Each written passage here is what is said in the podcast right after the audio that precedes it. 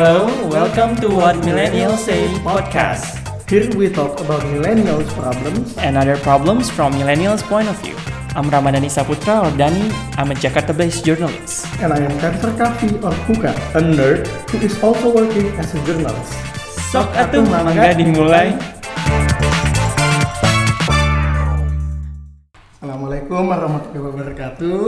Waalaikumsalam. Apa kabar Dan? Baik, baik, baik, baik, baik, baik. Alhamdulillah. Oke, gabung lagi bersama Kuka dan Dani di podcast What Millennials Says. Eh, Gue dari tadi pengen nanti tau mulu. sorry, sorry. Kenapa sih ada yang lucu dengan muka gue? Ya, enggak, enggak, enggak. Biasa, ini biasa aja, biasa aja. Oke, jadi di episode kali ini eh, kita berusaha untuk menjawab keresahan Dani sebenarnya eh, soal Bukan keresahan aku aja sih, banyak juga. Iya Banyak juga. Cuma kan yang tampaknya kepo banget nih kan lu kan ya Dan ya. Iya, iya, iya. Kita akan ngomongin eh, tentang satu makhluk yang kayaknya lagi rame dibahas atau diributkan sama baik sama pejabat maupun sama orang-orang yang berjuang demi Apa? Demi hidup yang lebih baik. Iya, hidup yang lebih baik. Demi kondisi dunia yang lebih baik tentunya. Yes. Makhluk ini kita namakan sawit. Apa sawit atau uh, palm oil ya, palm oil. Tapi kan eh, isu tentang palm oil ini juga beberapa kali disinggung di di apa di debat presiden kemarin kan, Hmm. ya kan berkaitan. Yang mana ya? itu ya, pokoknya yang Jokowi nyebutin B100 itu satu yang gue Hmm, tahu. oh iya, betul, betul, betul. Terus yang ber- ada isu yang bersinggungan juga kan tentang de- deforestasi dan segala macamnya itu. Oke, sip, sip. Nah, karena ini isu yang sedikit rumit, jadi Ya. kita nggak bisa ngebahas ini sendiri. Kita telah mendatangkan seorang ahli Ahli. yang eh, sudah lumayan berpengalaman eh, menghandle eh, isu soal sawit ini. Sudah berapa lama berkecimpung di dunia persawitan? Sudah dua, dua dekade. dua dekade tuh kan itu kita bayangkan betapa ahlinya dia di sini kita kedatangan Mas Hans eh, kita sebut nama panggi nama coba mungkin Mas Hans bisa memperkenalkan diri dulu kepada teman-teman pendengar milenial di luar sana Oke, eh, selamat apa nih? Siang ya. Selamat siang semuanya. Eh, nama saya Hans. Eh, dulu saya bekerja sebagai wartawan di Jakarta Post. Eh, dan sekarang saya tetap jadi wartawan, cuma sudah pindah media, yaitu media lingkungan yang namanya mongabai.com. Nah, jadi itulah kenapa saya eh, urusannya itu nggak pindah-pindah dari dulu ya sawit ya gitu. Karena emang yang kita jual itu sawit, jadi ya begitulah. Jadi kurang lebih udah berkecimpung menulis tentang isu-isu lingkungan sejak tahun Eh, kalau isu lingkungan ya secara umum itu sejak Jokowi dilantik. ah 2014 berarti. Ya 2014. Oke. oke sip oke palm oil sawit Hmm, Palm oil 101. ini tuh makhluk apa sih sebenarnya Mas Hans Hmm, sebenarnya ya kalau misalnya kita sering baca berita gitu ya nonton di TV juga itu pasti kan eh, nama apa istilah sawit ya kelapa sawit itu kan pasti kan sudah tidak asing ya. Eh, apa pasti sering didengar gitu kayak misalnya ngomongin soal ekspor ngomongin soal harga eh, ngomongin soal apa namanya pekebun kecil. Eh, ada program pemerintah yang ada nyinggung soal apa namanya bahan bakar juga lah terus ada soal penanaman kembali. Pokoknya sering banget lah disebut gitu. Nah eh, sebenarnya tuh eh, kita tuh nggak perlu jauh-jauh untuk eh, merasakan eh, untuk mungkin melihat agak jauh ya. Kalau ini tinggal di Jawa mungkin harus ke Sumatera Susah, gitu iya, kan iya, iya, iya. Eh, tapi kalau untuk untuk merasakan sendiri itu tuh sebenarnya pasti menurut saya pasti semuanya sudah pernah lah gitu. Kalau misalnya kita makan cemilan, nggak boleh sebut merek ya. Nggak boleh. Eh, Keripik kentang misalnya. Ya, keripik kentang, lalu kita makan biskuit. Kalau bahkan ya nggak cuma yang kita konsumsi, eh, yang kita pakai untuk eh, apa namanya produk sehari-hari lah, shampoo, eh, deterjen, eh, itu juga sebenarnya kemungkinan besar eh, itu pasti ada kandungan eh, kelapa sawitnya. Eh, termasuk hal-hal yang bahkan kita nggak kepikiran gitu ada sawitnya. Misalnya lipstick gitu, Eh, bahkan lipstick aja tuh ada gitu. Karena memang kenapa bisa, kok bisa sih sawit itu ada di makanan, terus di produk uh, kecantikan, lalu juga untuk apa namanya uh, deterjen segala macam gitu. Karena memang dia itu sifatnya ini ya uh, fleksibel, versatile, bahasanya Iya, siapa? iya, iya. versatile, ya. Uh, jadi, nah tapi kalau udah kayak gini, berarti kan sebenarnya sawit itu ada di kehidupan kita sehari-hari. Nah tapi sebenarnya sawit itu sendiri kayak gimana? Mungkin uh, untuk yang belum pernah lihat pohon sawitnya secara langsung, mungkin agak agak sulit ya, nggak ada gambaran ya. Sebenarnya sawit itu sendiri uh, sejenis pohon. Kayak kurma kan? Eh kayak Eh, kurma kan? kayak ya? bentuk- kayak kelapa Eh, Iya, tapi maksudnya yang yang kalau dalam kayak apa bentuk gondol go- gondolnya kayak apa sih bulatan yang besarnya itu loh buahnya itu. Iya, iya, merah. Iya, gitu. Hmm. Iya. Eh, dia itu sebenarnya sejenis eh, apa eh, vegetable oil. Hmm. Eh, kayak macam keledai, kedelai, ke- Kedelai, kedelai, kedelai, kedelai. kedelai. Kalau kedelai yang ada ekor Iya, yang kedelai, biji bunga matahari dan lain-lain gitu. Oke. Jadi ini ini pohon dia ada buah, dalamnya ada eh, minyaknya yang kita apa istilahnya kita peras lah gitu. Jadi minyaknya itu bisa diambil dari dagingnya sendiri atau eh, sama dari eh, bijinya. Hmm, oke. Jadi du- eh, sumbernya itu ada dua lah. Nah, eh, pohonnya itu sebenarnya nggak terlalu kelihatan kayak gimana-gimana banget. Sebenarnya apalah istilahnya ya. Kelihatannya biasa aja lah. Eh, tingginya juga cuma paling 20 meter gitu maksimal ya. Eh, terus selain itu dia punya masa panen itu eh, setahun sekali. Eh nggak setahun sekali maksudnya terus-terusan gitu. Jadi nggak nggak istilahnya nggak musiman lah setahu saya. Iya.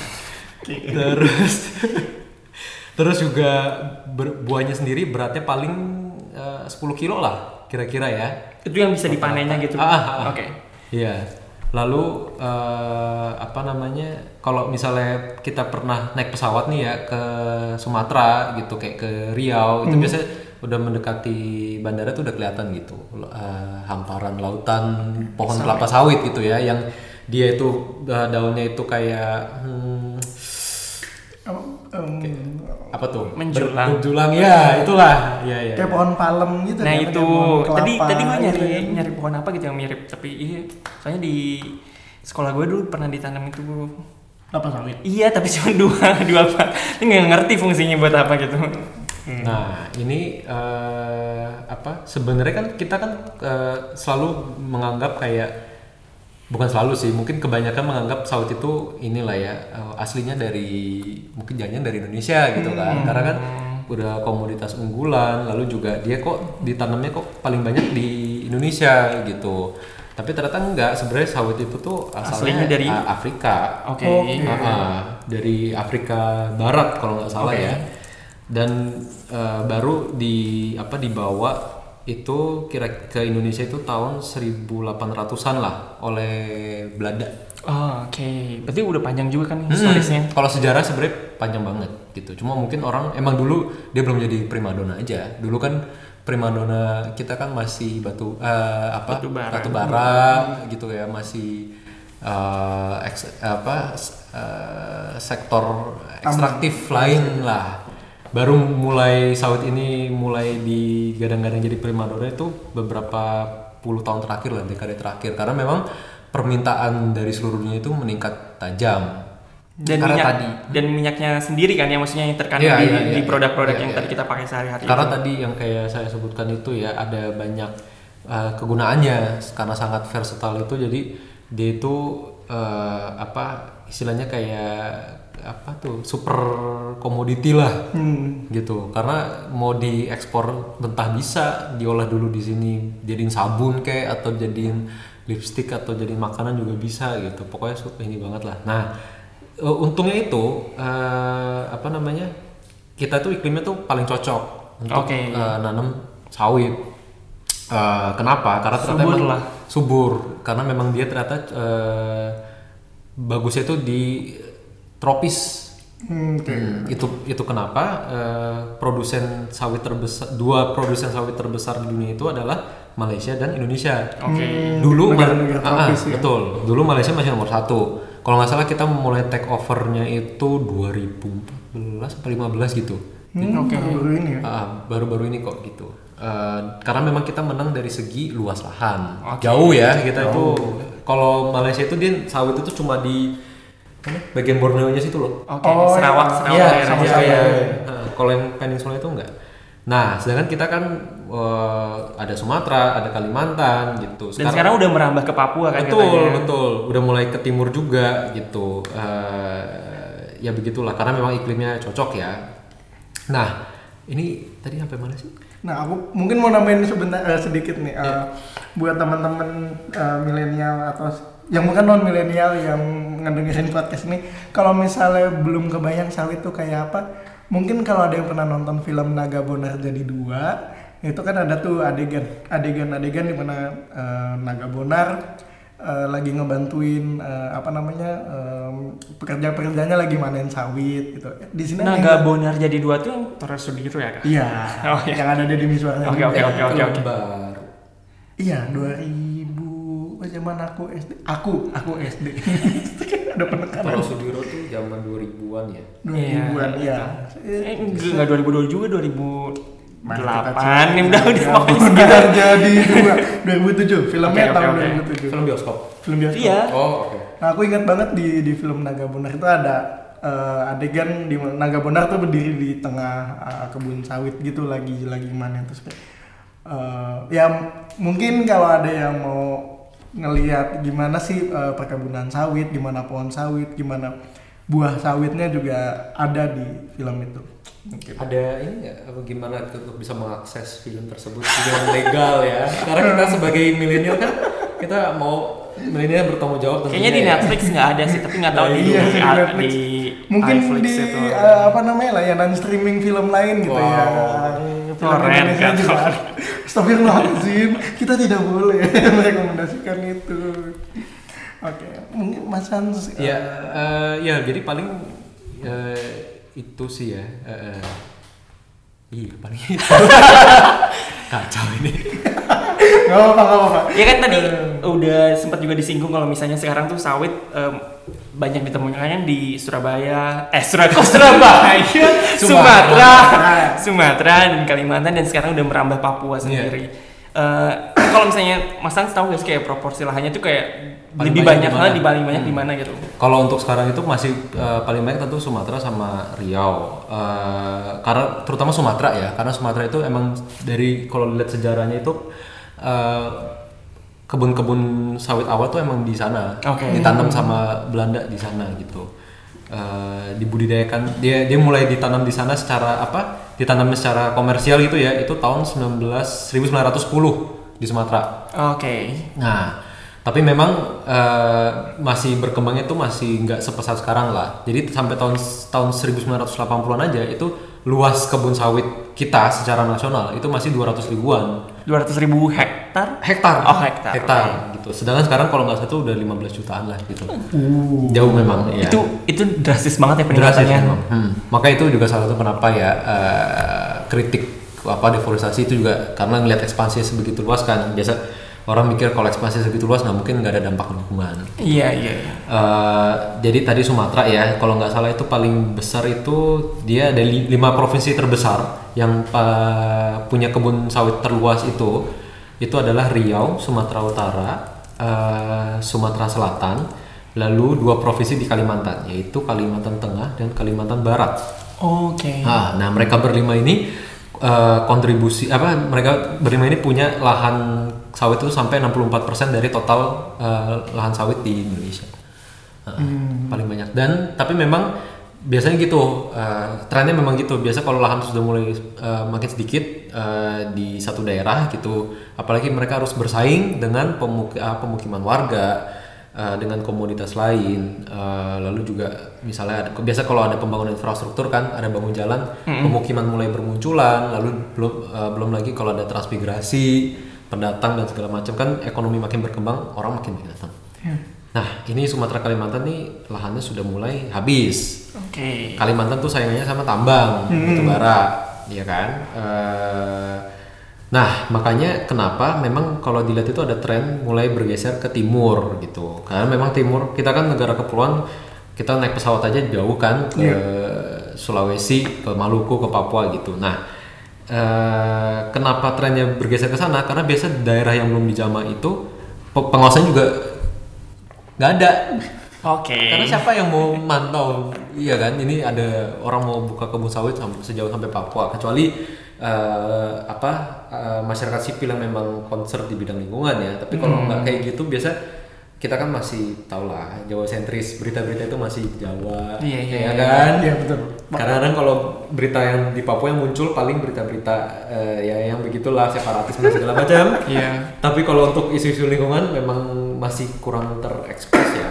Kurang seksi kak katanya. Sebenarnya terekspos, tapi memang audiensnya mungkin yang Ya, ya itu juga pengaruh kan audiensnya juga nggak terlalu tertarik mungkin. Iya, gitu. Eh, mungkin orang juga banyak yang belum pernah ke daerah-daerah timur. Nah, ya itu. Eh, karena masalah jarak, ongkos dan segala macam. Eh, jadi gak ada bayangan juga di sana medannya tuh kayak gimana sih gitu. Eh, iya begitulah. Hmm, tapi kalau eh, apa namanya palm oil eh, produk eh, sawit yang dihasilkan di Indonesia ini biasanya eh, tadi aku kepikiran sih eh, diekspornya itu lebih banyak dalam bentuk eh, apa namanya mentah atau udah diolah eh, terlebih dahulu. Ini ini saya mesti cek lagi ya. Tapi kalau jangan di ini jadi jangan dijadikan sumber yang oh, ini ya. Eh, kalau nggak salah sih masih mentah ya. Gitu, Oke. crude crude palm oil ya. Oh, Oh iya iya iya iya. Eh, karena memang sekali lagi kita masih kalah sama, sama, eh, dibandingin Malaysia yang sudah mulai udah bergerak ke industri hilir.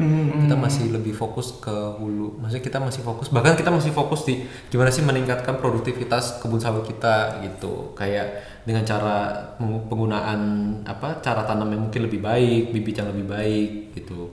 Eh, kita masih berkutat di situ. Bahkan nggak usah sampai berkutat di peningkatan produktivitas. Kita masih bingung gimana cara mengganti pohon-pohon sawit yang udah tua ini. Kan sawit itu umurnya kan kalau nggak salah 30 ya sampai 35 lah. Hmm. Eh, di atas itu biasa udah ketinggian udah nggak susah lah. Pokoknya umurnya sebenarnya segitu nah ini pas banget nih zaman zaman sekarang ini itu udah mulai banyak eh, pohon-pohon sawit itu tuh yang udah umurnya segituan. Oke. gitu. Jadi emang ditanamnya itu tahun berapa itu? Tahun 80-an tahun 90-an gitu. Jadi emang udah siklusnya.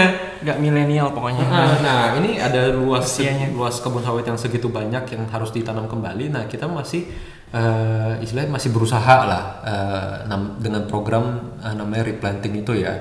Dengan menggunakan eh, dana dari BPDPKS Badan Pengelola Dana Sawit. Itu badan pemerintah yang dibentuk pemerintah untuk eh, istilahnya dia eh, apa mengumpulkan uang dari perusahaan-perusahaan sawit yang mengekspor. Jadi kayak Levi ya apa tuh em, pungutan gitulah ya. Oke. pungutan untuk eh, Tujuannya buat replanting lagi itu. tujuannya itu macam-macam sebenarnya. Eh, tapi jadi kalau dilihat di aturannya itu dia pertama itu buat subsidi biodiesel Oke. biodiesel yaitu adalah minyak eh bahan bakar yang dicam eh, bahan dasarnya itu adalah eh, macam-macam food crops ya Hmm. tapi set- untuk konteks Indonesia tentunya kita mengandalkan sawit karena kita produksi sendiri. Eh, tadi sampai mana tuh? Sat- eh, Biodiesel. Eh, iya iya biodiesel. Terus kedua itu replanting. Iya. Terus ketiga itu untuk riset and development, Oke. eh, edukasi segala macam lah. Nah sayangnya itu eh, sebenarnya kan ide awalnya itu adalah gimana supaya petani-petani kecil ini bisa dibantu untuk pertama untuk replanting karena replanting itu mahal mereka butuh eh, duit buat beli benihnya lagi Oke. pupuk segala macam pengairan mahal Tapi bakal di replant istilahnya bakal re- replanting di lahan yang sama gitu yang di dari dari Ya, pohon-pohon ya, yang ya, udah ya, tua ya. ini kan. Eh, dan kalau misalnya dia replantingnya dengan cara yang eh, asal-asalan bisa gawat misalnya dibakar lah atau apa gitu Oke. loh iya kan jadi memang harus eh, dipantau harus di- dibina dibimbing eh, terus diberi tadi ya ada modal juga harus perlu modal Eh, selain itu kenapa penting itu ada modal itu? Itu karena hmm, sawit itu nggak langsung tumbuh kan? Dia tuh baru pohon pertama itu berbuah pertama masa kayak lima tahun deh nggak salah deh. Jadi kayak beberapa tahun pertama itu eh, otomatis si petani kecil ini nggak ada sumber Hasilan. penghasilan Iya. gitu. Mereka cuma nunggu aja nih sampai dia bisa ini kan. Nah ini nih ini yang yang makanya kenapa butuh uh, ada program seperti itu. Nah ini programnya sebenarnya udah ada, uh, tapi sayangnya ke, sebagian besar uang yang diambil dari perusahaan ini, yang diambil oleh BPDP ini, itu larinya larinya itu ke untuk subsidi uh, biodiesel. Oh, oke. Dulu itu bahkan dulu tuh lebih tahun tahun lalu tuh uh, sampai 90% lebih.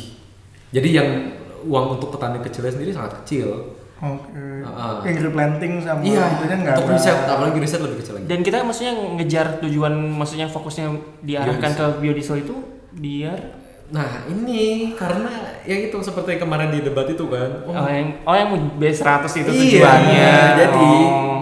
jadi kenapa kita tuh kok kayaknya ke, ke- apa ngotot banget mau mengembangkan program biodiesel ini? Kena, kenapa? Karena eh, sebenarnya alasan paling simpelnya adalah eh, kita mau mengembangkan eh, apa, konsumsi domestik Oh, Oke. supaya ada pasar di dalam dalam negeri yang bisa menyerap si buah-buah sawit ini. Kenapa? Karena buah sawit kita udah kebanyakan. Oh. Kita produksi itu udah kebanyakan.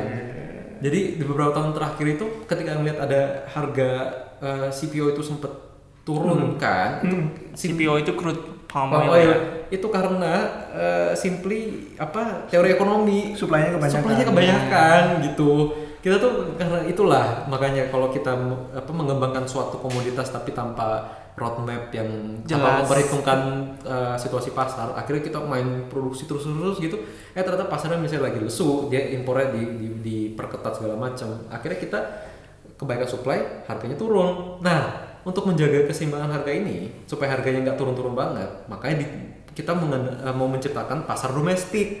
Pasar domestik paling gampang itu, yang paling gampang menyerap, yang langsung di.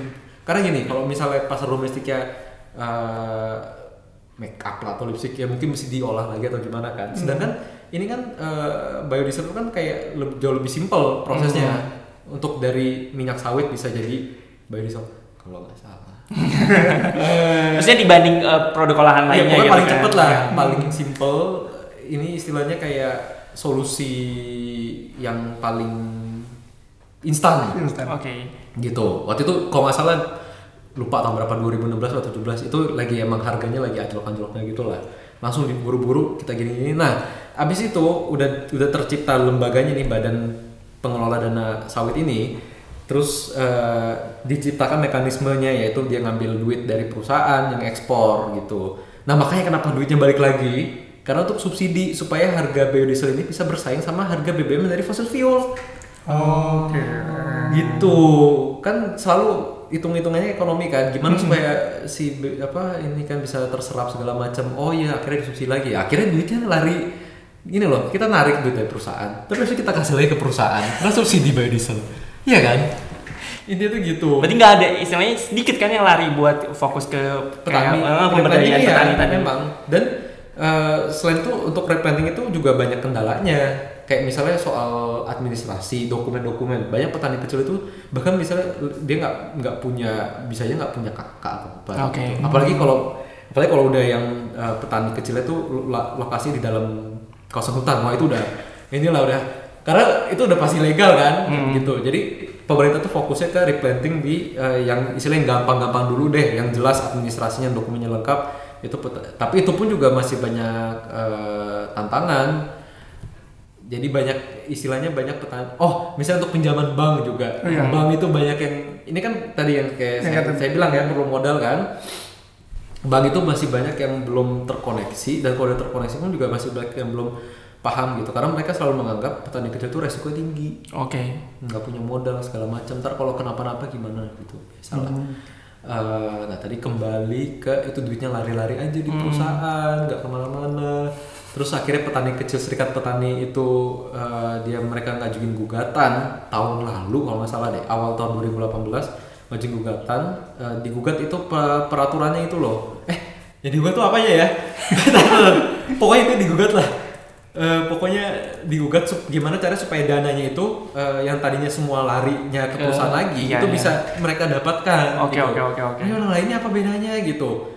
Apa kok yang harusnya dapat manfaat kita kan? Tapi kok malah eh, duitnya larinya ke perusahaan lagi? Hmm. Eh, Ini tuh yang ini, Ini kan uji materi apa PP 24 2015 itu ya. Sepertinya. Ah, Ini aku ini aku sambil ngecek juga gitu untuk membantu supaya memahami ini masalah sawit. terlihat ya persiapannya sangat. Nggak apa-apa, nggak apa-apa. Nah, eh, dan kalau misalnya kemarin di debat ada ngomong-ngomong B20, B30, B100 itu apa sih? Nah, itu adalah eh, angka dari campuran. Hmm. Jadi eh, kalau misalnya dia disebut B20 itu artinya adalah dari bahan bakarnya itu 20% itu dari biodiesel. Hmm, oke. Iya, pokoknya dari sawitnya, 20% itu sawitnya. Gitu. Kuban- Kubantu cari dulu. Nah, jadi ketika dia bilang ini sekarang kita lagi menuju B30, berarti mau ditingkatkan persentasenya. Berarti eh, bauran eh, dari sawit itu mau diperbanyak untuk menambah apa menyerap menyerap sawitnya inilah.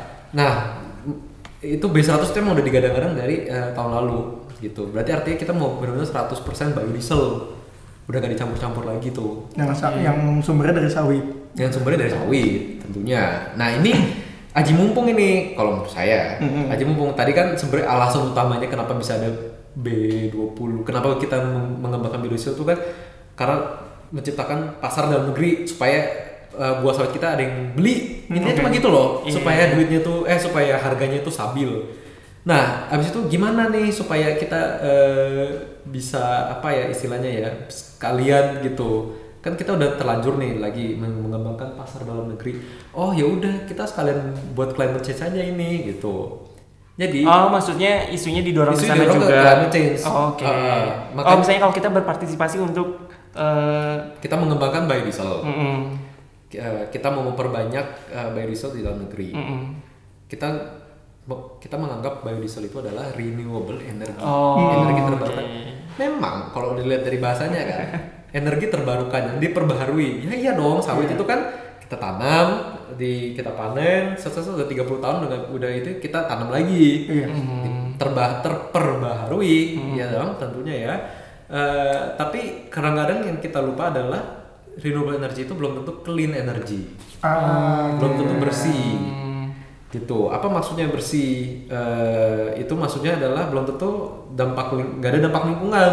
Oke. dan itu ini tuh udah orang tuh sekarang ngomongin climate change ya perubahan iklim kan udah nggak nggak apa udah udah masuk udah mulai masuk ke ranah eh, publik gitu ya. Orang udah mulai melek gitu kan. Apa sih ini perubahan iklim gitu.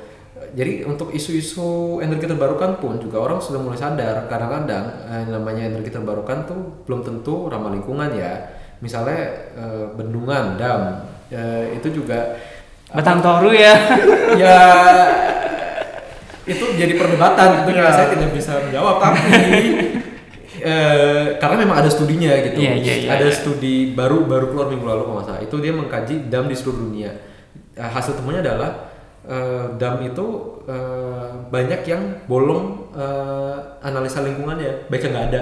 Hmm, banyak yang dibangun asal-asalan Oke. tanpa tanpa mempertimbangkan dampak lingkungan tanpa mengikut sertakan masyarakat di sekitar yang mungkin terdampak segala macam Eh, jadi ada sekitar kayak berapa puluh eh, proyek dam itu yang memang direkomendasikan untuk dikaji ulang gitu. Itu di Indonesia. seluruh dunia Oh, seluruh dunia kan. karena memang banyak proyeknya kan Eh, jadi sebenarnya bukannya berarti dam itu pasti jelek cuma maksudnya eh, pesan dari studinya itu adalah eh, kalau misalnya dilak- dijalankannya asal-asalan tanpa pertimbangan matang meng- tanpa mengikut sertakan tanpa ada pro- proses ini loh. Apa kayak warga situ tau-taunya eh, nggak tahu apa-apa tiba-tiba ada bendungan segala macam. Nah itu yang disayangkan. Nah tadi kembali ke ini ya eh, Biodiesel. biodiesel ya. Eh, jadi kita itu memasukkan biodiesel itu sebagai renewable energy kan dan itu dimasukkan sebagai eh, salah satu cara eh, supaya gimana eh, supaya kita bisa mengurangi emisi gas rumah kaca mengurangi gas rumah kaca kita. Eh, yang kita di mana kita men- menargetkan untuk eh, ada pengurangan sebesar 29% di tahun 2030 Nah, eh, jadi makanya kalau misalnya ketika kita lagi ngomongin pemerintah lagi ngomongin soal gimana nih supaya eh, kita bisa mencapai target pengurangan emisi, gimana kita bisa berkontribusi ke eh, penanganan eh, perubahan iklim, ya kan? Selalu yang digadang-gadang itu adalah Biodiesel. biodiesel, biodiesel. Selain dari sektor hutan tentunya ya pengurangan deforestasi, tapi biodiesel itu jadi salah satu andalan. Makanya kenapa di debat kemarin juga bisa muncul itu karena memang paling gampang Oke. gitu. Kalau misalnya ditanya renewable energi paling gampang apa di Indonesia gitu kan? Biodiesel. Lo mau bukannya kayak bilang oh eh, matahari karena kita tropis atau, Atau angin. angin Angin. angin gitu atau segala macam enggak yang, yang selalu dibilang oh ini nih biodiesel gitu. nah ini makanya kenapa eh, isu-isunya itu eh, sekarang biodiesel itu juga lagi seksi ya karena di Uni, Uni Eropa itu juga sekarang lagi memperdebatkan soal biodiesel ini gitu. Ini bisa eh, transisi ke segmen selanjutnya. Iya ini Udah soalnya kelihatan dari mukanya Kuka. Soalnya kayaknya kayak kelihatannya banyak konsep yang Banyak. Iya, uh, sih. aduh, abstrak ya mungkin ini ini baru baru pertama kali dengar sama Sebagian eh, dari kalian? sebagian dari ya pendengar kita Iya. dari kalian jadi mungkin juga baru kok. mungkin kita rehat sejenak buat mencerna lagi Baik. apa sih biodiesel apa, apa Baik, itu uh, we'll be back after this Oke. Oh dia udah istirahat ya.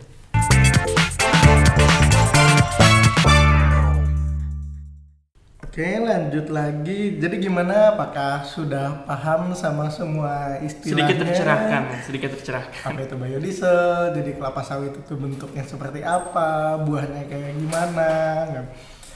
Jadi sekarang kita akan mencoba untuk mencari jawaban eh, dari semua kegelisahan yang ada di luar sana. Kan Kegelisahan siapa? kegelisahan kegelisahan tuh agak-agak ya dadah Eh, maksudnya kan gini kan Ya eh, banyak sih kayak ya bukan concern dari akti- aktivis lingkungan juga cuman kayak banyak kayak banyak yang udah mulai tersadarkan kalau misalnya palm oil nggak terlalu bukan maksudnya kayak nggak beneficial iya cuman ada banyak dampak yang ditimbulkan dari si tanaman ini sendiri Iya. gitu bahwa sawit palm oil itu berbahaya Mm-mm. uh, gitu kan apa namanya istilahnya diskursnya yang yang lumayan banyak beredar di luar sana nah uh, mas Hans sawit tuh berbahaya nggak sih langsung ditembak ya oh iya Hmm, wow, sulit ya. Jadi eh, yang dimaksud bahaya nih tergantung nih definisinya apa dulu. Oke. Eh, bahaya bagi lingkungan tidak bahaya bagi lingkungan atau tidak?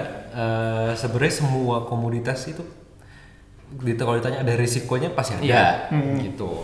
Cuma ya kembali lagi ya kita mendefinisikan bahaya itu seperti apa? Ini salah satu taktik untuk tidak menjawab pertanyaan.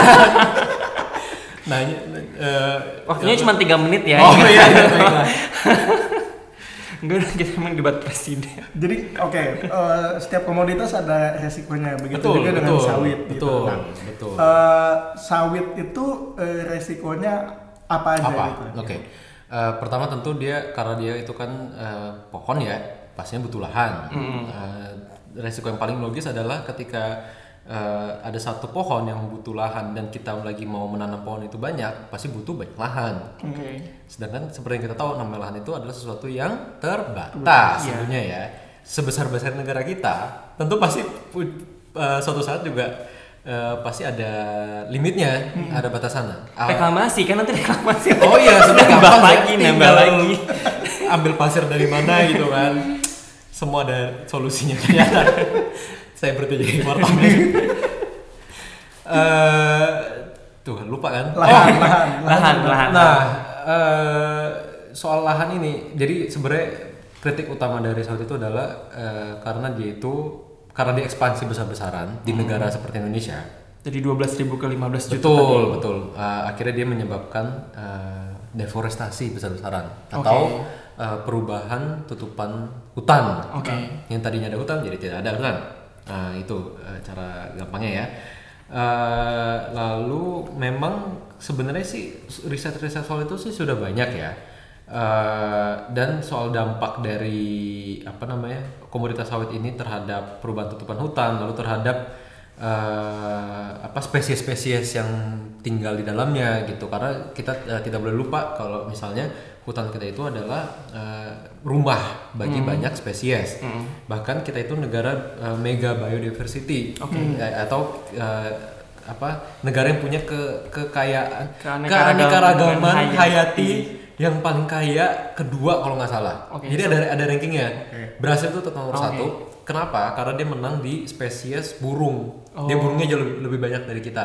Kita itu menang di mamal kalau nggak salah. Oke, Jadi oke. mamal kita lebih bervariasi, lebih banyak, tapi dia burung lebih meow karena dia Amazon. Oh, sorry. Eh, Tadi kan eh, resiko, terus kan lahan, Lahan. Iya, nah, nah ini makan lahan. deforestasi tadi. Deforestasi terus dia itu menyebabkan perubahan tutupan hutan, yang menyebabkan eh, spesies-spesies itu kehilangan rumahnya. Oke. Contoh paling gampang yaitu yang seperti kita tahu ya, itu adalah orang hutan. Kenapa sih orang hutan disebut-sebut terus? Gitu karena itu memang apa istilahnya tuh darlingnya Indonesia lah. Iya, iya, iya, iya, iya. Karena ke- eh, kenapa? Karena orang hutan cuma bisa ditemukan di Indonesia. Sama Malaysia nggak sih? Harusnya sih iya sih. Iya, ya, tapi di dikit ya kayaknya ya. Ada berapa jenis Iya. orang hutan coba? Iya. Ada tiga jenis. Ya. Sumatera. Dikira orang, cuma Sumatera. satu dulunya. Iya. orang hutan Sumatera, orang hutan Borneo, sama yang baru-baru ini di bukan ditemukan sih. Sebenarnya udah ditemukan udah lama. Cuma baru kita baru sadar ini spesies yang berbeda itu adalah namanya tapanuli orang hutan. Dia itu adanya di Sumatera Utara, tepatnya di eh, hutan eh, namanya namanya ekosistem Batang Toru. Itu dia cuma ada di satu tempat eh, kecil. Eh, lalu juga Dan jumlahnya sekitarnya 800 lagi jumlahnya itu. Ya jumlahnya cuma 800 800-an gitu. Ah, ah, 800 Eh, Jadi eh, itu. Dan soal orang ini juga tentu sudah banyak dikaji ya. Eh, Misalnya kalau untuk orang hutan Kalimantan itu dia laporan terakhir itu di tahun 2016 itu tinggal 45.000 ribu dan kalau misalnya terus jadi ini 45.000 ribu ini dari set- itu udah menurun jauh dari sebelumnya. Dan kalau misalnya eh, nggak ter- apa kita nggak ngapa-ngapain kita nggak menyelamatkan mereka itu eh, mereka akan punah dalam kurun waktu hanya 25 tahun. Gitu ceritanya. Jadi mungkin kalau kita punya anak gitu, udah nggak bisa lihat ya nggak bisa. Iya Cuma bisa lihat fotonya. Nah, kenapa kok bisa- mereka bisa uh, populasi menurun jauh? Soalnya cara gampangnya adalah gini, uh, mereka punya rumah eh, ka- itu kan di hutan. Ya ketika hutannya hilang, rumahnya hilang, mereka nggak punya rumah, mereka jauh lebih vulnerable kan. Mereka nggak punya tempat untuk mencari makan. Uh, mereka nggak apa istilahnya mereka mencari makan tuh harus ke pemukiman warga, uh, ke kebun-kebun sawit uh, punya warga atau punya perusahaan atau gimana. Sialnya lagi eh, ketika si orang hutan orang hutan ini mereka lari ke kebun-kebun ini, mereka dianggap sebagai hama, pengganggu. Ditembakin deh kemarin. Tembak kayak astaga. kemarin yang di Aceh itu. Yang Hope itu kan ada 70, berapa sih? 70. Peluru gitu. 74 kan. Iya, kan di dalam ibunya. Eh, terus eh, sialnya lagi anaknya meninggal baru lahir kan, karena Iya. nggak nggak nggak ada ngasih makan toh. Karena masih kecil tuh mereka sangat bergantung kan sama ibunya. Eh, ketika ibunya juga luka-luka gitu nggak bisa kan buta sebelah ya kalau nggak Iya. salah ya. Otomatis anaknya mati. Nah tapi sebenarnya eh, mod apa yang biasa terjadi itu adalah yang dibunuh itu eh, ibunya dulu. Kenapa? Karena yang bernilai ekonomi itu anaknya yang bisa dijual lagi Oh. gitu jadi eh, biasa apa ya, orang-orang itu eh, mereka menargetkan menyasar tuh si eh, ibunya dulu. Karena mereka kan sangat protektif ya. Nggak mungkin mereka si orang-orang ini bisa ngambil anaknya tanpa ibunya kayak marah ngamuk atau gimana gitu. Nah jadi ini yang biasa terjadi di lapangan. Jadi makanya kenapa kok kampanye untuk menyelamatkan orang hutan kok gencar banget gitu. Itu ya wajar karena memang kalau dilihat kondisi itu memang udah udah kritis eh, apa istilahnya kalau nggak apa udah diprediksi bisa punah kan udah critically endangered Iya. sangat amat terancam. Nah kalau misalnya punah ya apa ya kita mungkin cara apa hmm, dampak langsungnya ke kita kita nggak tahu. Ah, kalau saya sendiri nggak tahu ya. Iya. tapi apa ya satu spesies gitu loh. Iya, iya, iya. kita udah sering banget kejadian kan. Dulu apa harimau jawa ya harimau Jawa iya. iya kan harimau udah jawa. punah. udah punah gitu. Masa kita nggak kapok-kapok gitu kan sebagai negara udah pernah kejadian kehilangan apa spesies yang gitu gitu kan. Udah dikecam segala macam gitu tapi masih aja. Ya begitulah. Nah, selain eh, apa namanya eh, ke spesies eh, atau biodiversity ini resikonya apalagi sih kalau untuk klub yang bisa ditimbulkan oleh eh, komoditas kelapa sawit ini? Eh, kalau dari segi lingkungan sih selain dari per- apa namanya eh, hilangnya rumah-rumah bagi spesies binatang-binatang ini ya itu juga apa namanya eh, binatangnya bahkan nggak cuma orang hutan. Kayak misalnya gajah juga mereka ter- terdampak gitu eh, kehilangan. Karena biasanya tuh eh, mereka itu butuh apa daya jelajah itu luas gitu. Jadi mereka butuh apa memang udah ada kebiasaan lah. Mereka ngiterin rutenya kayak gini gitu. Mereka nggak bisa tuh cuma di satu tempat atau gimana gitu. Jadi kayak misalnya bilang oh tinggal dipindahin gitu itu sebenarnya nggak sesimpel itu. Uh, selain itu juga soal apa bahaya ya dampaknya. Iya, soal isu ham Oh, human rights. karena banyak eh, apa eh, buruh-buruh sawit ini eh, yang dipekerjakan tapi dengan kondisi yang eh, tidak eh, sus- apa tidak Upahnya di seharusnya bawah ya betul. standar itu.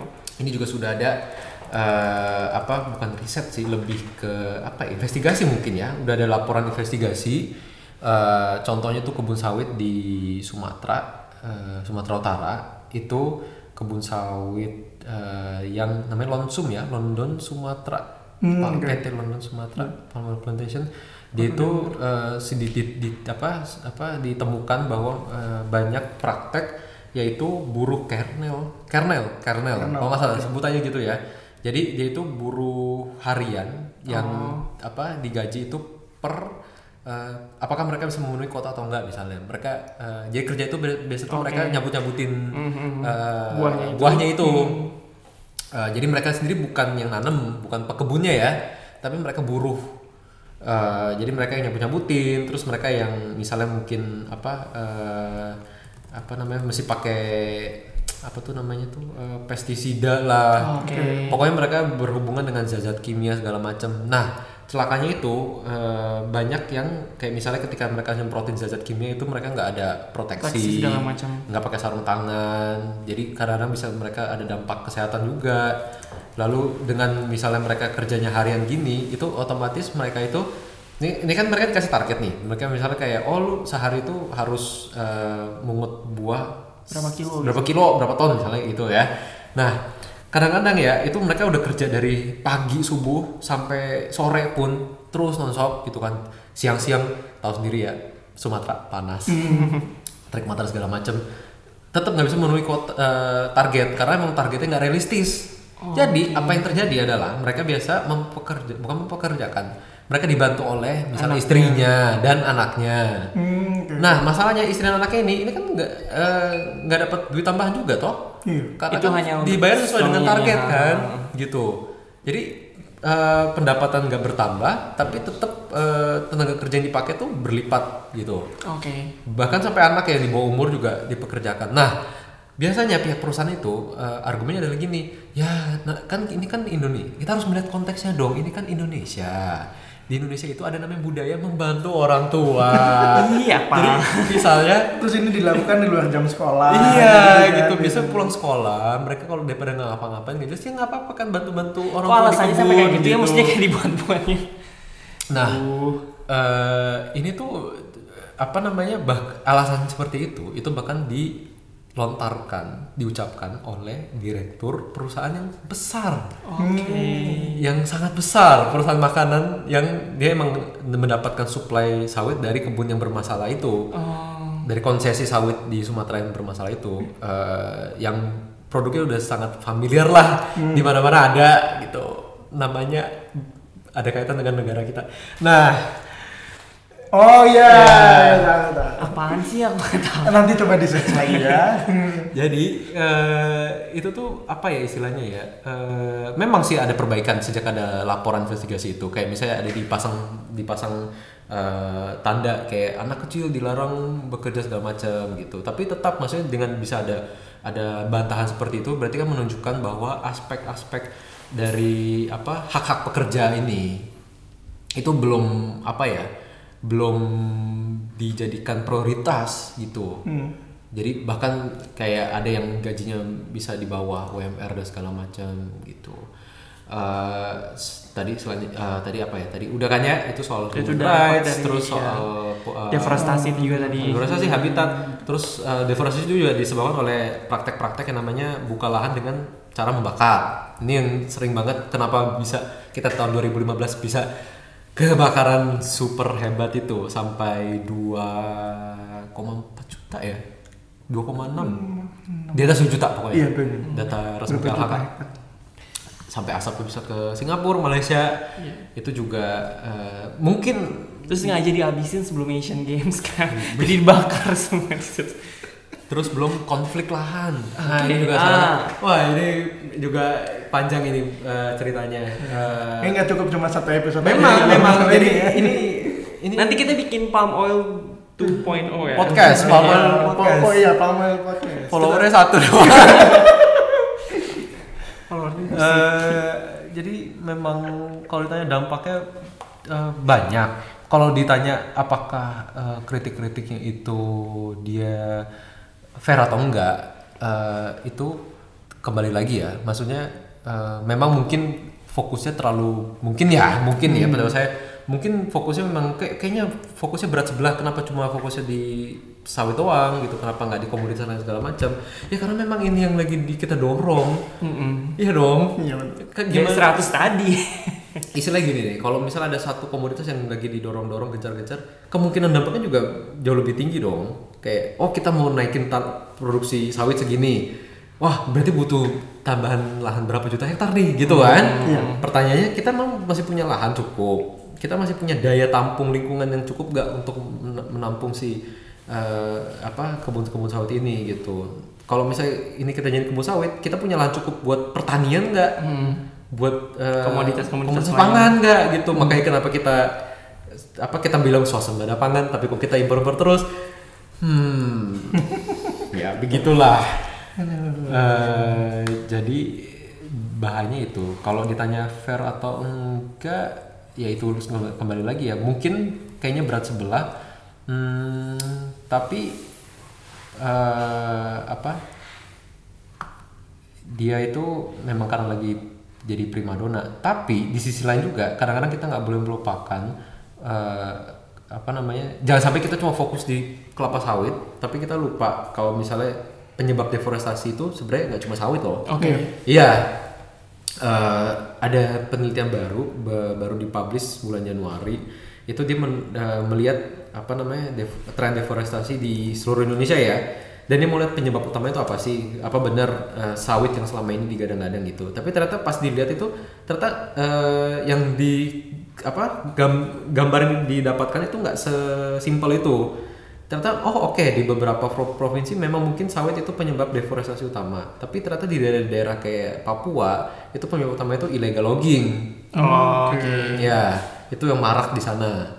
Eh, jadi memang nggak bisa disamaratakan. Tergantung daerahnya gitu. dan bahkan dan iya dan bahkan trennya itu adalah eh, deforestasi yang disebabkan oleh sawit kebun sawit skala industri skala besar itu makin menurun jadi m- lebih banyak eh, deforestasi yang disebabkan oleh eh, kebun-kebun berskala kecil yang dikelola oleh petani-petani kecil yang ya 2 hektar 3 hektar 5 hektar Eh, terus juga bisa juga disebabkan oleh infrastruktur pembangunan infrastruktur ini kan bangun jalan atau Iya, iya. Karena ketika kita bangun jalan, kita harus ingat, misalnya ini kita bangun jalan, bangun jalan di mana? Jangan belah hutan. Kalau misalnya belah hutan, itu kemungkinan banyak eh, dampak bawaan. Eh, jadi nggak sekedar, eh, oh kita cuma jalan cuma berapa diameternya cuma lebarnya cuma segini kok gitu. Kita nggak makan banyak hutan.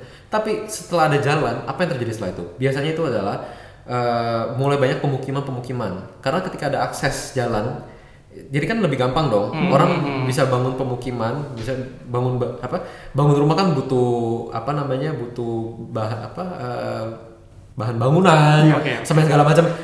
Itu pasti perlu jalan toh untuk bisa ini kan untuk bisa ya kan? Nah jadi biasa dampak-dampak eh, bawaannya itu itu tuh banyak. Ketika ada satu jalan yang sebenarnya kelihatannya kecil tapi ternyata apa dampaknya itu bisa pemukiman, encroachment, eh, apa tuh pembala, eh, Oh, pem, ya, Pembalakan pembalakan, ya, liar. eh, terus juga, ya pokoknya begitulah. Jadi kalau dilihat, kalau yang saya baca di studinya sih emang nggak sesimpel itu. Studi Eh, dari mana sih Mas? Ada sih. Tadi bentar. Nambah kerjaan aja nih. ada, ada, ada, ada, baru baca tadi. Tuh kan. Jadi eh, memang apa ya istilahnya yang penting sih kalau menurut saya ya eh, yang namanya sawit ini kita jangan sampai kita cuma dengar dari satu sumber. Iya. Kalau misalnya kita mau tahu tentang sawit kita eh, mengingat ini komunitas unggulan ya yang dibilang unggulan oleh pemerintah kita kita nggak boleh cuma dengar dari satu pihak apalagi cuma dari pemerintah. Tentunya pemerintah punya punya mereka semacam kayak inilah eh, Kepentingan tersendiri. P- PR spokesman ya dong mereka nggak nggak mungkin mereka ngomong yang jelek-jelek sehingga ah orang nggak mau beli gitu. Apalagi pasar luar pasti mereka ngomongnya bagus-bagus. Dan makanya eh, dan ya ya apa namanya kadang-kadang yang di camp kampanye dari luar itu juga oke kita dengar kritiknya tapi eh, kita juga nggak bisa telan mentah-mentah juga. Kayak tadi karena bis- tiba-tiba ada yang riset dibilang oh ternyata nggak cuma sawit loh gitu. Eh, oh ini dari Duke University Oh. Iya, Duke University. Eh, itu di dia melihat oh kalau dulu memang perkebunan sawit itu memang penyebab utama lah. Lebih dari setengah ke- apa setengah deforestasi di hutan primer. Berarti hutan primer tuh hutan yang tutupan masih bagus, paling bagus ya. Di Indonesia itu itu disebabkan oleh kebun sawit skala besar. Itu di akhir 2000-an. Tapi eh, trennya itu memuncak itu di 2008 sampai 2010. Nah setelah itu dia udah mulai trennya udah mulai menurun. Ya bisa jadi karena lahannya juga sudah habis. Terus juga kalau nggak salah itu kita tuh di- sangat dipengaruhi sama fluktuasi harga. Ketika harganya eh, harga sawit yang murah, kemungkinan ekspansi sawitnya juga diperlambat. Oh, Gitu. Iya, Oke. karena kalau kita apa, Karena kalau kita produksinya lagi ya, harganya iya, malah iya, turun. karena supply-nya udah kebanyakan nih. Iya. Jadi eh, apa namanya? Itulah kompleks kan? Iya, iya, Iya kan? Eh, tapi ya kalau itu ya menurut saya idealnya adalah gitu gitu supaya kita bisa tahu gambaran seutuhnya sehingga kita bisa menentukan sikap kita eh, kita sebenarnya mau eh, gimana sih mau ngapain sih dengan sawit ini gitu itu harus ada dialog yang benar-benar terbuka terus eh, juga melibatkan ya kayak tadi ada apa ada riset dari Duke University segala macam itu kan mereka independen dong. Iya. jadi benar-benar dari pihak akademis jangan kayak dari apa konsultan. Yang mana kalau konsultan kan dibayar kan? Kayaknya emosi ya. Iya kan?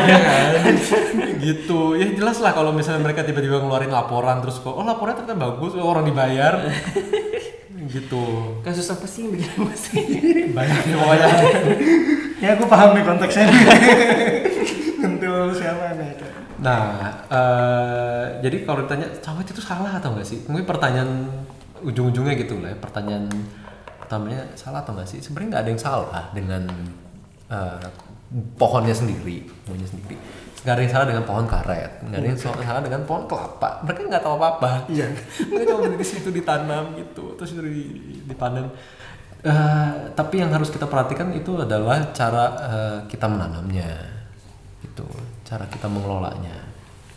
Jangan sampai kayak tadi kita udah nggak bisa lihat eh, anak cucu kita nggak bisa lihat orang hutan lagi cuma karena eh, satu komoditas gitu kan sayang ya. Iya. komoditasnya udah baik banget kan orang tuanya tinggal dikit iya itu kok pohon sawit bisa ditanam eh, ya maksudnya tinggal bibit ya kan tanam itu kalau orang hutan eh, ha- apa hamil paling kayak eh, se- selama um, apa umurnya itu paling dua tiga anak doang gitu Oh, Oke. iya jadi ya ya begitulah Ini ngomong-ngomong soal sawit juga. em, ya, ini, ini disclaimer kita ini rekaman ini tanggal 16 Maret. Hmm. Jadi di beber- beberapa hari eh, yang lalu tuh ada satu post yang kayaknya lumayan viral di Twitter ya. eh, pernyataan Pak Luhut Bin Sarpanjaitan eh, dia Menko ya, Menteri Menko Menteri Kemaritim- Koordinat, eh, Koordinator Kema- Maritim. bidang kemaritiman.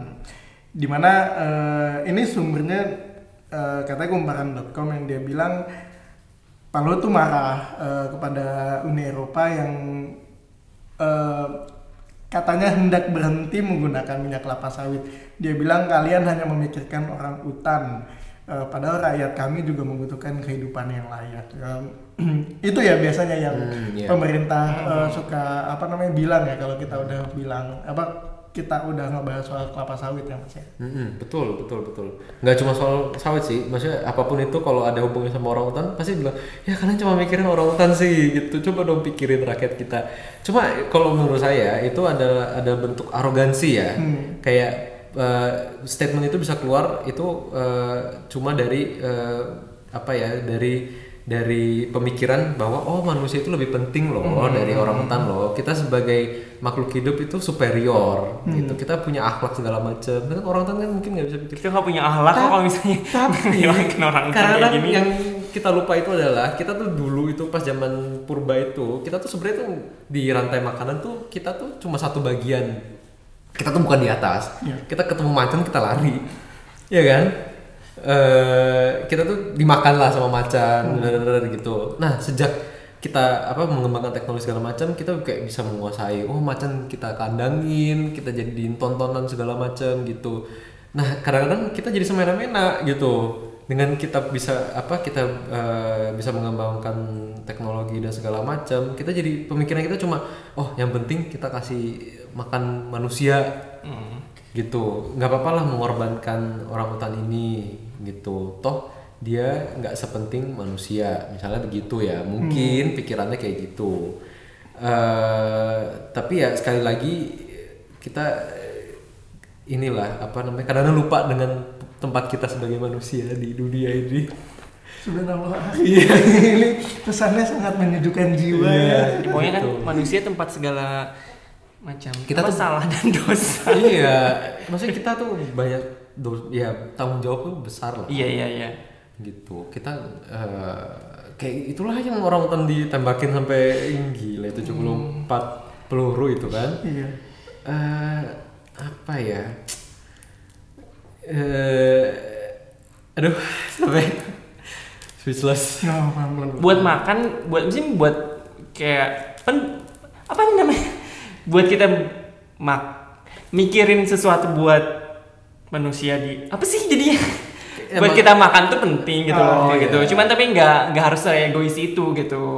Bahwa kita juga harus memperhatikan. tapi masalah soal makan itu emang jadi ini sih maksudnya emang lahan terbatas populasi pertumbuhan juga wah gila banget udah ada studi-studi kayak dari World Resources Institute gitu kan kita butuh bakal butuh uh, se- sekian banyak uh, ton food crop segala macam untuk memenuhi kebutuhan gitu yang pertanyaannya lah ya itu lahannya di mana Reklamasi kan. Iya. Pasirnya dari mana? Pasirnya kan dari daratan juga.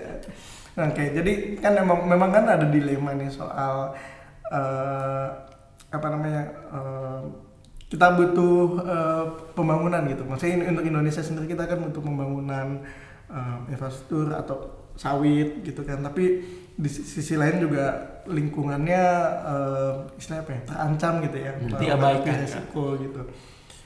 Kalau menurut Mas Han sendiri nih, eh, kira-kira solusinya apa sih untuk memecah apa eh, yang yang bisa menjadi sedikit jawaban mungkin ini bukan jawaban mutlak ya gitu tapi apa sih yang kira-kira bisa menjadi solusi dalam eh, memecahkan dilema antara eh, kita ngebangun atau ngasih makan atau eh, menyelamatkan lingkungan Elon Musk, Bill Gates, siapa pun yang bisa menolong, please. Eh, solusinya ya supaya ada keseimbangan gitu kan. Iya. Mungkin harus ada kajian. Hmm. Selama ini kita eh, ekspansi apa namanya ekspansi hutan tanaman industri, ekspansi perkebunan sawit, tambang segala macam itu biasa dilakukan tanpa eh, ada pertimbangan.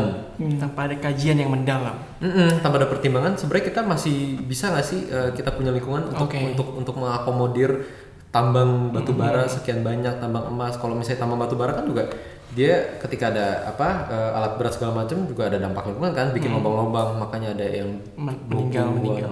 anak kecil Oh, meninggal iya. di lubang Di Kalimantan di itu. Kalimantan itu nah eh, kita harus tahu nih kita punya lingkungan tuh sebenarnya sekarang udah udah udah se apa eh, se, se- sekian gitu kan harus ada data sebenarnya data tuh penonton ada sih Eh, dan ke- ketika kita bilang oh kita butuh eh, apa butuh lahan pertanian segini untuk untuk menyediakan eh, makanan untuk sekian populasi gitu itu harus eh, jelas gitu eh, butuh lahannya berapa terus kita punya lahannya atau enggak terus eh, kalau ada lahannya di mana Hmm. Nah gitu. Eh, terus dampaknya tuh kayak gimana kayak gimana.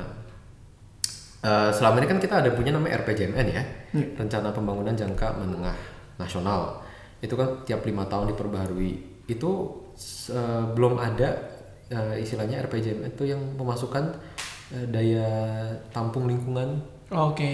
Hmm, oke. Kita tuh posisi kita sekarang kayak gimana? Oke. Kita masih punya kapasitas berapa untuk untuk untuk perluasan lahan misalnya gitu terus jangan dan lingkungan ini nggak cuma lahan kan air juga karena kebun-kebun gini juga berdampak loh karena dia limbah limbahnya itu dia buang ke sungai terus sungainya nggak bisa dikonsumsi airnya Iya. iya kan Mereka juga butuh air gitu kan, Iya. mengairi Iya. kebunnya kan. Heeh. Jadi mutan kita lama. makanya nah itu eh, itu yang bel- apa namanya eh, sebenarnya sekarang lagi di digodok sih lagi di, di- dibuat sama Bapenas ya mereka membuat namanya RPJM ini hijau Oke. Jadi itu RPJM pertama yang um, Memasukkan- memperhitungkan daya daya tampung lingkungan uh, ke dalam kerangka pembangunan. Jadi ketika mau kita uh, setiap ada proyek pembangunan harus diperhitungkan tuh jadinya gitu. Oh ini uh, masih bisa nggak sih di sini di sini sini jadinya udah nggak ada nih. Kayak Jawa itu krisis air misalnya. Udah di, di diestimasi bakal krisis air. Kalau misalnya bisnis as usual ya nggak terjadi apa-apa. Uh, Bali juga dan segala macam. Eh, nah ini tinggal pertanyaannya adalah kalau si Bapenas ini udah, udah bikin RPJM hijau, bakal diado- diadopsi atau enggak? Kalau di, diadopsi sama pemerintah berikutnya, eh, ini bakal jangan, jangan cuma apa jangan cuma jadi dokumen gitu. Kita ada nih deh, kita kita mengakui kita udah tahu kita punya daya tampung lingkungan, kita punya lahan tinggal sisa segini. Ya tapi tetap aja bisnis as usual gitu ketika kita mau berencana ada ekspansi apa mau meningkatkan produ- produksi sawit segala macam oh tetap nggak diperhitungkan ya paling itu sih Eh, Harus ada kajian yang lebih mendalam dalam setiap iya mengambil itu. gitu. iya dan kalau misalnya eh, ada masalah di industri sawitnya kayak misalnya mas- masalah tata kelola tahun 2017 kan KPK udah pernah mengeluarkan laporan eh, kaji apa laporan eh, mereka mengkaji mereka benar-benar lihat ya industri sawit kita tuh kayak gimana sih eh, dari tata apa dari perizinan segala macam potensi korupsi eh, ke, apa eh, apa namanya kehilangan pendapatan negara dari pajak segala macam oh itu kali apa kelihatan lah, itu hancur lebur itu nggak jelas kacau banyak banget loopholesnya segala macam nah itu berarti kan ada banyak eh, yang harus Ada dibenahi. Iya, ada sesuatu yang mesti dibenahi. gitu. Itulah kenapa kenapa kenapa kok kita selama ini mikir kenapa ya eh, pembangunan ekonomi kok selalu mengorbankan lingkungan? Ya karena memang asal-asalan. Karena nggak ada nggak ada yang karena emang mungkin ya negaranya gede ya. Jadi kayak kita ngasih apalagi ada otonomi daerah kita ngasih wewenang buat kepala daerah untuk ngasih izin segala macam. Mereka juga belum tentu paham sebenarnya mereka punya apa kapasitas lingkungan di daerah mereka tuh kayak gimana. Misalnya mereka udah banyak nih mereka di satu daerah udah banyak lubang udah banyak eh, apa tambang batu bara udah banyak yang bolong-bolong gunungnya udah botak segala macam pohon apa eh, hutannya udah botak segala macam. Tapi mereka kayak oh masih bisa gitu. Nah bisa aja kalau nggak ada ini. Makanya kita harus kembali ke zaman nggak nggak jadi. Nggak Kok aku mestinya kembali ke nggak kita harus mengingat kembali tempat kita di dunia ini. Ya itu maksudnya. Kalau semua cara gagal, nanti kita tinggal nunggu Elon Musk. Elon Musk ya. Jadi kayak di film Interstellar gitu ya. Jadi Iya, kita pindah atau ke inilah apa namanya bikin virtual world kayak di Black Mirror gitu lah Kayak ini serem juga. Nah, tapi itu kan butuh listrik. Nanti listriknya dari biodiesel, biodiesel dari sawit. Listriknya dari dam, oh iya dari dalam. dari bendungan tadi. Oke. eh, gimana gimana karena durasi ya. Jadi Buka eh, sudah puas? eh, aku sih sudah. Aku aku pusing sebenarnya. Pusing. Sehari-hari nulis soal begini juga ya. Dan ini gimana sudah tercerahkan atau terpuaskan? soal- Dapat enlightenment lah seenggaknya. Mungkin Mas Hans ada eh, apa kata-kata terakhir closing itu statement closing statement atau apa eh, pesan terkait Pesan moral. Hmm, sebenarnya kalau misalnya masih bingung soal sawit-sawitan ini kayak karena memang kompleks ya. Cara paling gampang itu adalah kita merasakan sendiri. Makanlah keripik-keripik gitu ya. Oh oke. atau atau biskuit atau pakailah lipstick Iya gitu, betul. gitu. minyak goreng Iya. Ternyata oh baru sadar I cannot live without palm oil gitu. Oh oke. Eh, kalau misalnya dipretelin juga dari semua yang kita misalnya makan atau pakai sehari-hari, kayaknya semuanya berkaitan deh. Eh, iya tapi sebenarnya hmm, sebenarnya technically bisa aja sih. Kayak ada supermarket di Inggris, UK, Oke. eh, namanya Iceland itu kan dia benar-benar boykot eh, semua produk yang ada kandungan palm oil ya. Ternyata bisa karena ada peng- memang ada alternatifnya. Hmm. Terlepas dari alternatif itu lebih bagus buat lingkungan atau enggak ya, itu perdebatan lagi. Cuma eh, sebenarnya sih bisa-bisa aja. Ah, Gitu. Toh dulu palm oil juga belum semarak sekarang. Iya. Hmm. Heeh, gitu ceritanya. oke Begitulah Tadi wawancara kita dengan, kayak gitu ya. Wow. Mantap, sangat berkualitas. wawancara kita dengan apa? eh, calon menteri apa? Calon menteri lingkungan. Menteri kelapa sawitan. kelapa sawitan kayak harus ada kementerian khusus kelapa sawitan Katanya ya ada jurusan kelapa sawit hmm, lagi. Kan emang ada di salah satu politeknik di Jakarta Emang ada tentang khusus tentang kelapa sawit. jurusan. Iya. Jadi lu, lu pas lulus politeknik. nih, Iya. Ada maksudnya khusus tentang kelapa sawit iya. oh, wow tau gitu waktu itu ma- masuk situ aja S2 loh. Oh, iya. oke jadi Nani mau nutup Enggak enggak aku kalau aja. Satu lah gantian. Oke, jadi itu diskusi kita soal kelapa sawit hari ini. Kalau eh, semoga kalian tercerahkan, tapi kalau kalian tambah bingung nggak apa-apa, soalnya kita juga kayaknya tambah bingung. tapi nggak apa-apa. Banyak kan? menimbulkan pertanyaan kan jadi eh, makin penasaran jadi bakal ngegali sendiri mungkin nanti ke depannya. Siap. Semoga. Iya. Thank you Mas Hans. Eh, Thank you. Mungkin mau promosi sosial media supaya makin banyak Sosial media ya, saya sekarang sebenarnya lagi mencari ada yang mau endorse atau enggak. Eh, saya sih udah siap sih sebenarnya ya. Eh tapi kalau misalnya di endorse sama produk yang berkaitan sama sawit gimana? Coba. Kalau saya demi bertahan hidup sih, yang penting halal. Ya. Eh, apa endorse sosmed? Iya, kalau mau, kalau Oh, mau kalau juga mau ini aja sih. Saya jualan inilah ya eh, media tempat saya kerja ya. Mau ngabai.com. Tolong Dibaca. di- dibaca. Beritanya ya. bagus-bagus kok. Ejanya M O N G A B A Y dot com. Ada juga bahasa Indonesia dot id. Oke. Eh, Ngomong-ngomong, iya. Mas Hans ini adalah eh, apa namanya? eh, sudah mencap apa? Ada achievement unlock gitu. Salah satu achievement unlocknya adalah beritanya di retweet oleh Leonardo DiCaprio. Iya betul. Itu apa namanya eh, istilahnya? Menggelinjang nggak setelah sama Leonardo DiCaprio? Vulgar ini ini sih apa eh, jadi wartan emang tujuan utamanya beritanya di retweet sama Leonardo DiCaprio. Jadi setelah itu kayak saya udah nggak punya target apa apa lagi dalam hidup ya. udah bisa pensiun dengan udah udah udah. Makanya nih sekarang lagi nyari endorsan. Oke, terima kasih sudah mendengarkan teman-teman. Eh, kita belum punya istilah ya. Brosis. Iya sih. Jangan dong, kalau itu nanti mirip satu ini institusi. Oh PSI maksudnya. oh kan PSI ngomong brosis gitu. Oke, terima kasih sudah mendengarkan. Eh, sampai ketemu di episode selanjutnya. Dadah. Dadah.